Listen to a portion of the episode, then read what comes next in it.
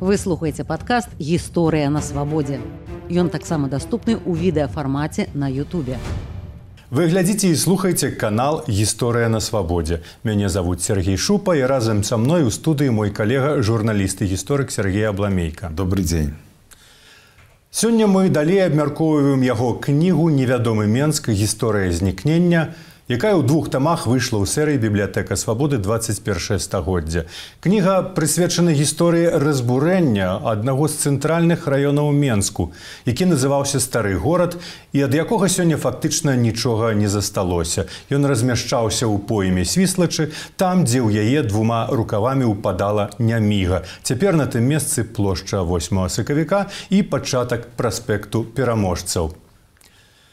Сергей мінулы раз мы спыніліся на тым як у 1919 годзе ў менску апынулася сканцэнтравалася вялікая колькасць беларускіх палітычных культурных рэлігійных дзеячоў і менск сапраўды стаўся цэнтрам беларускага жыцця. Ну відавочна усе гэтыя дзеячы не маглі не звярнуць свае увагі на гістарычныя архітэктурныя помнікі менску. У чым гэтая іх увага выявілася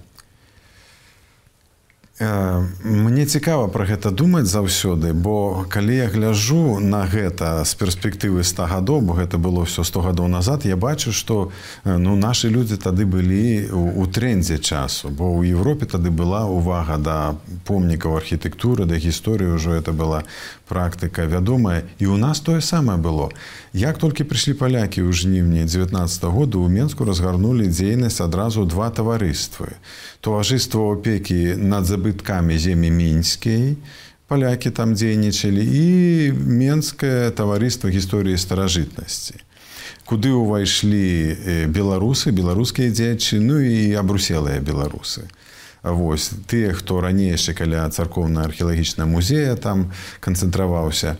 І яны пачалі дзейнасць сваю. Цікава што у гэтым беларускім таварыстве у былым так сказаць і, і пострасійскім актыўнічаў ігнатоўскі са студэнтамі педагагічны інстытуту менскага.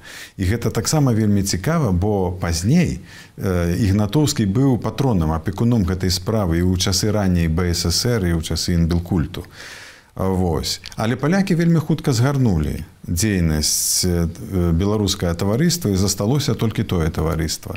Палякі займаліся перапісваннем рухомых помнікаў і перавозілі іх у Польшчу між іншым. Калі палякі адыходзілі, яны перавезлі вялікую вядомае, што ішоў аграмады такі караван, дзе было 500 скрыняў, куды былі сабраныя карціны, абразы, калекцыя зброі, латы рыцарскія, все паехала тады у Польшчу. Тым не менш шмат пра помнікі Менску і пра гістарычнасць Менску пісаў тагачасны друг і польскі і беларускі нас конечно цікавіць беларускі бо э, правильно ты, сказаў это вы наша выснова. Менск не быў сталіцай але цэнтрам беларускага жыцця на той час ён быў там скантравалася вялікая колькасць. І цікава глядзець этой газеты э, бо яны якраз паказваюць на этую увагу і цікава таксама што ў двадцатым годзе э, лёсік вялікі ўплыў аказаў на гэтую справу. Ён быў старшынём рады БНР, але ў 18 годзе яшчэ ён узначальваў газету вольная Беларусь. І яшчэ тады праявіўся яго інтарэс да Менску. Якраз у 18 годзе Лёсік апублікаваў серыю нарысаў нашы месты. Вось. і а, у летам 18 -го году ён сфармуляваў гэтую тэзу. У яго нарысе пра менск некалькі разоў згадваецца што менск сэрца беларусі. Яе пасля будуць паўтараць у верасні у лісце да луцкевіча я гэтую фразу паўторыць краўцоў макар і газета звон у кастрычніку два -го года таксама напіша.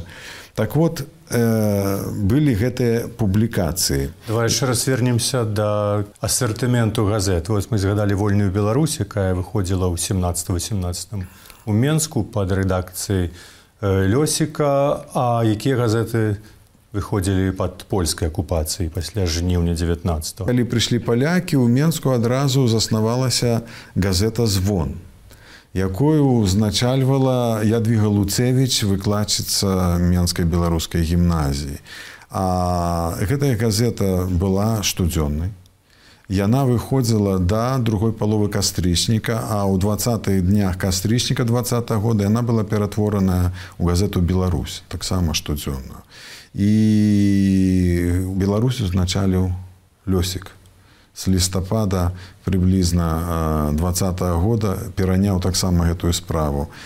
Так што і звон і Беларусь ўжо ў 19 годзе прысвячалі вельмі шмат тэкстаў менску менскім помнікам.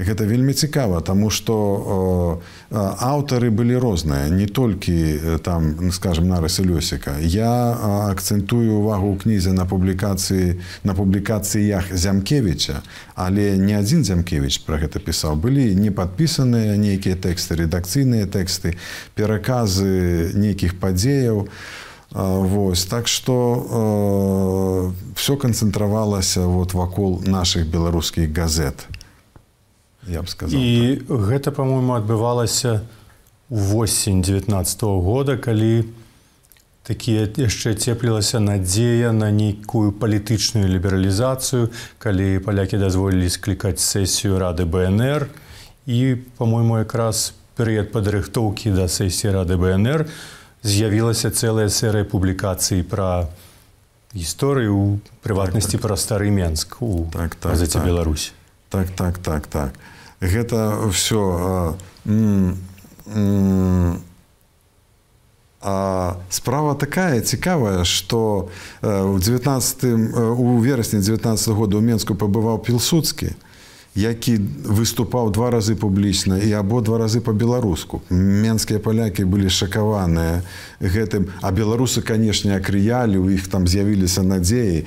Але мясцовыя ўлады, ваенныя ўлады не надта дазвалялі гэта. Канешне, мы вот не згадалі, што палякі заснавалі магістрат горада і у магістраце была дазволена беларуская мова. Часткова магістрат працаваў па-беларуску. Я калісьці сядзеў у абласным менскім архіве і, канешне, цікава было бачыць як настаўнікі распісваліся ў ведамасцях за атрыманне грошай по-беларуску або пісалі заявы на адпачынак там ці нешта на каравай такой трасянцы. Вось былыя царскія настаўнікі. Это конечно цікава было глядзець але ўзніклі надзеі і а, Але я б таксама яшчэ хацеў сказаць, што ну не толькі ў публікацыях праяўлялася гэтая ўвага. І магістрат звярнуў на гэта ўвагу.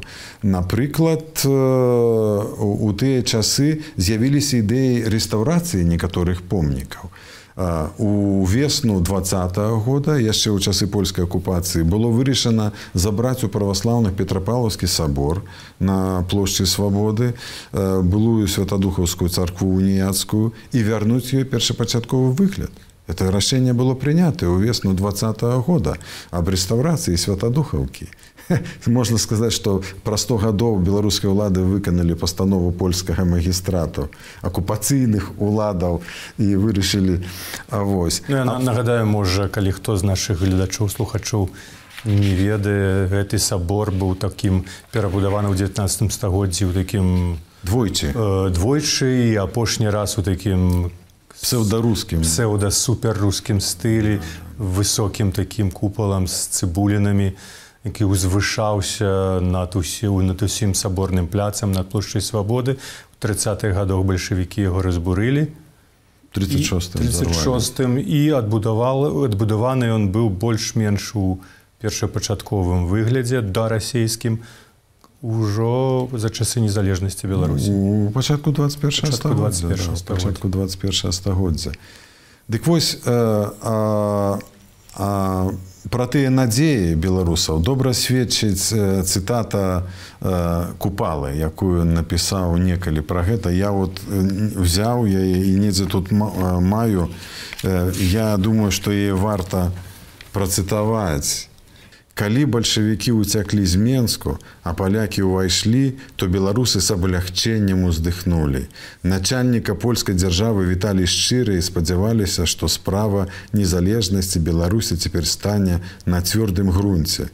У Менску тады закіпела праца, арганізаваўся беларускі нацыянальны камітэт, пачала выходзіць штодзённая беларуская газета, а 12 лістапада была адкрыта сесія рады БНР. Здавалася, што ўсё пойдзе добра. Але добра нічога не пайшло.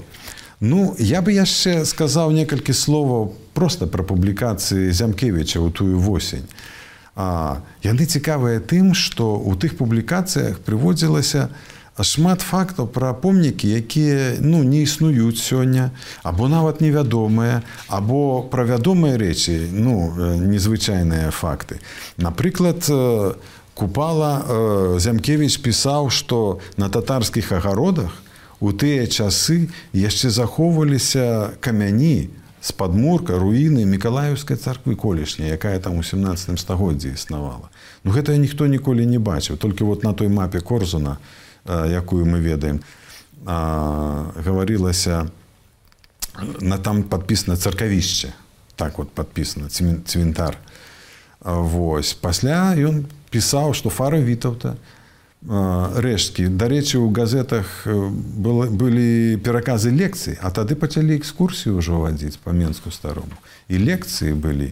І тады вуж корзун сын гісторыка менскае паходжанне, польская гісторыка 19годдзя таксама тады ваша корзуна, які стварыў этую мапу і ўсё. Ён прыязджаў у менскі чытаў лекцыі пра стары горад і там таксама прыводзіліся цікавыя факты. Но от мяне уразіў э, Зямкевич, які пісаў, што разам са зносам ратушы былі моцна разбураныя папсованыя, як пісаў Зямкевич камяніцы Трэбарта і Макаревіча. Гэта ў тым, што мы сёння называем малы, э, вялікі гасцінны двор або дом Шменкеля у Менску. Вось. Ну і шмат іншых фактаў. Дык вось. Мы гаворым пра надзеі беларусаў. Пра сесію рады БНР ты згадаў. Дак якраз тады адбылася рэч, на якую я звярну увагу, што лёсік і зямкевич нечакана, Пяць разоў у лістападзе аддалі старонкі Беларусі пад нарыса Зямкевіча пра Менск. Вось. Сесія рады была яна пачалася 12 лістапада а 14 і 15 лістапада з працягам выйшаў э, галоўны тэкст зямкевича з тых которые ён пісаў э, які называўся э, стары замак у менску дарэчы які гісторык глядзіць на публіцыстыку зямкевича што яму цікава той бачыць асноўнае скажем геннадзь кісялёў у кнізе пачынальнікі перадракаваў артыкул э, стары менску беларускіх успамінах зямкевіча артыкул на на проста шыкоўны ён тады таксама ў лістападзе быў апублікаваны там столькі дэталяў падрабязнасця пра менскае жыццё і ну, ну, пачынаючы з таго як за шлагбамам у раёне цяперашняй плочы перамогі алкаголем гандлявалі бо все за этой шлагбам хадзілі паколькі там ужо акцыз не трэба было плаціць а перад шлагбамам нельга было да все хадзілі казалі ў меску ху пойдзем за шлагбам ну там па-расійску так. Вось ад такіх там такія шыкоўныя дэталі але гэта класычная рэч гэты тэкст зямкевіча стары замак у менску я таксама недзе тут падрыхтаваў для нас цытату прачытаю першы першы сказ толькі пастановы рады БНР, которая пачалася 12 лістапада, адзначаючы радасны факт далучэння да рады беларускай народнай рэспублікі вышэйшага нацыянальнага прадстаўнічага органу заходняй беларусі рада беларускай народнай рэспублікі на першым сваім урачыстым сходзе 12 лістапада гэтага 1919 году пацвярджае пастанову сваю ад 25 марца 18 -го года о поўнай незалежнасці і непадзельнасці беларускай народнай рэспублікі ў этнаграфічных межах. Так ж беларусы нават думалі, што яны незалежнасць зноў абвяшчаюць, паўторна абвяшчаюць незалежнасць. Хаця ў гэты самы час інтэрнаваны ў варшаве Луцкевич сядзеў два разы сустракаўся з пілсудскім у лістападзе і ў студзені і і пасля пісаў у лістах што пілсудскі нават не разумеў чаму-то мясцовыя ваенныя ўлады акупацыйны ціснуць рабіў выгляд што не разумее хаця насамрэч яны палітычнае жыццё беларусаў амаль не дазвалялі але на фоне гэтых аптымістычных надзеяў вот прайшла тая акцыя якую я лічу правялі лёсік і Зямкевич. Ён у сваім нарысе расказаў гісторыю мінскага замка, апісаў яго сучасны стан, апісаў яго старыя часы, 18 стагоддзя, апісаў, як яго разбуралі і прадавалі. У мінулым запісе ці па-за мінулым я назваў, Пятра Чалгокава, чалавек, які з рассіі прыехаў прадаваў замак. Насамрэч ён зваўся Ягор Чалгакоў, як пісаў это Зямкевич. Вось, яны прадавалі на будматэрыялу ў канцы 18 стагоддзя гэта ўсё. Зямкевич у сваім тэксце звярнуў увагу на тое, што ў Менску былі мураваныя будынкі. Ён пераказвае, фактычна цытуе дакумент на старабеларускай мове 18 стагоддзя прычым вельмі добра адаптаваны да сучаснай беларускай мовы 20 стагоддзя. Вельмі прыгожая праца дарэчы зроблена. Ты чытаеш і разумееш што это дакумент 18 стагоддзя разам з тым ён па-беларуску. Дык ён опісвае што два мураваныя будынкі абрынуліся склепы. Склепамі называлі тыя дзе скляпенні мелі да яны абрынуліся адзін стаіць выбудаваны коштам менскага ваяводства той які дайшоў до 20 стагоддзя. І яшчэ былі сядзібы э, э, пётухаў кубліцкіх у замку. І там верагодна таксама было нешта муравана таким чынам ён вот это апісаў все і зрабіў выснову зрабіў выснову э, такую. у А яшчэ цікава, ён напісаў, я ўжо згадваў пра парад перад аршанскай бітвай, але Зямкевіч апісвае некалькі парадаў, якія каралі прымалі ў менскім замку. Першы парад быў прыняты ў 1508 годзе Жгемон стары. Жыў у замку ў менскім прымаў парад. Пасля 1514 год перад бітвай падоршай, пасля яго сын жгемон другі август у 1564 годзе. Таксама была перамога падворшай у гэтым годзе якую мікалай радзівіл атрымаў. Вось. І таксама быў парад і таксама кароль прымаў. І вось э, робіць выснову зямкевич як бачым з усяго вышэй сказанага замак у менску і месца дзе ён стаяў маюць сваё слаўнае гістарычнае прошлое спрат тысячи год. І ён робіць выснову. Замкавая гора у менску дзякуючы яе гістарычна-археалагічнаму значэнню павінна быць выкарыстана пад будову новага замчышча для устаноў беларускага гаспадарства. Прычым археолагі і архітэктары павінны папрацаваць як пры раскопках так і пры новай будове каб асталася яна памяткай для будучых пакаленняў Ну там яшчэ ён піша, што там яна павінна быць пабудаваныя будынкі э, ураду і сойму БНР, то есть ён лічыў што павінен быць сойм у нас. І калі б э, бнр перамагла то у нас як у паляка у літоўцаў быў бы сойм.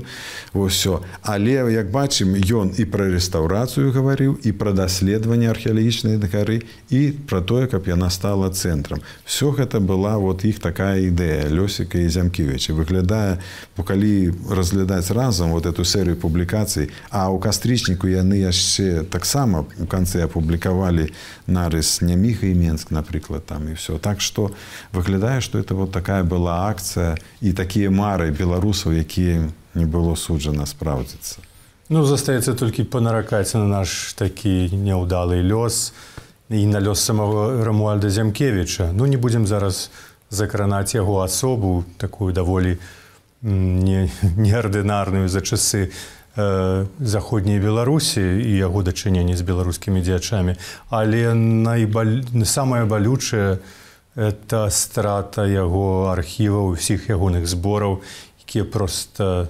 зніклі ў варшаве за часы нямецкай акупацыі. Хутчэй за ўсё згарэлі і што там толькі можна было знайсці ўжо як бы відаць па гэтых цытатах якія ты сёння зачытваў якімі дакументамі ён там апераваў. Просто все это на жаль які шмат чаго іншага знікла без следу. А скажи калі ласка вось все тое пра што ты сёння расказваў ці ад таго часу 19-20 гады ці там засталіся нейкія графічныя выявы тых месцаў тых помнікаў э, якія апісваў сярод іншых і зямкевич я я я перакананы э, і ў кнізе я пра гэта напісаў што так я лічу што вядомыя малюнкі язепа язепа драздовича якія мы ведаем сёння менскія малюнкі яны з'яўляюцца следствам вось той цікавасці да гістарычнай менску да менскае замчышча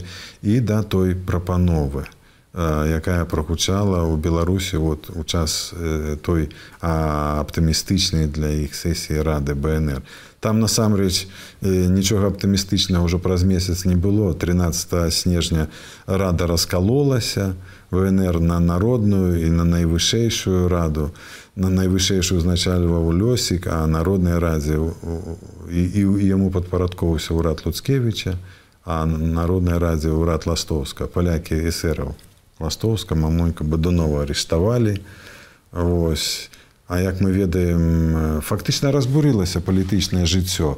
Луцкевич, Луцкевич падаваў ставку праз некалькі месяцаў, праз чатыры месяцы пасля гэтага на пачатку вясны здаецца, бо цалкам быў расчараваны польскай пазіцыі. Зразумеў, што палякі не спрыяюцца і пілсудскі не паможа а айсеры пачалі партызанку рыхтаваць як мы ведаем там магло быць такое каб не прыйшлі бальшавікі дык пачалася партызанская вайна бо там тысячи людзей маглі в этом удзельнічаць ну просто пасля да. гэтых падзеяў 13 снежня палякі канчаткова перасталі да, давяраць да, да. тым беларускім палітыкам і луцкевіча кінуты час выехаў варшаву фактычна там быў інтэрнаваны яму не выдалі дакументы для выезду на працягваць працу ў парыжы на канферэнцыю. Ён не мог прыехаць на аўтувільню фактыч некалькі месяцаў там праседзеў і гэтым і абумоўлена была ягоная адстаўка. Я думаю што яго не было на радзе на этой 12 лістапада. Ён ужо варшаве быў ён сустракаўся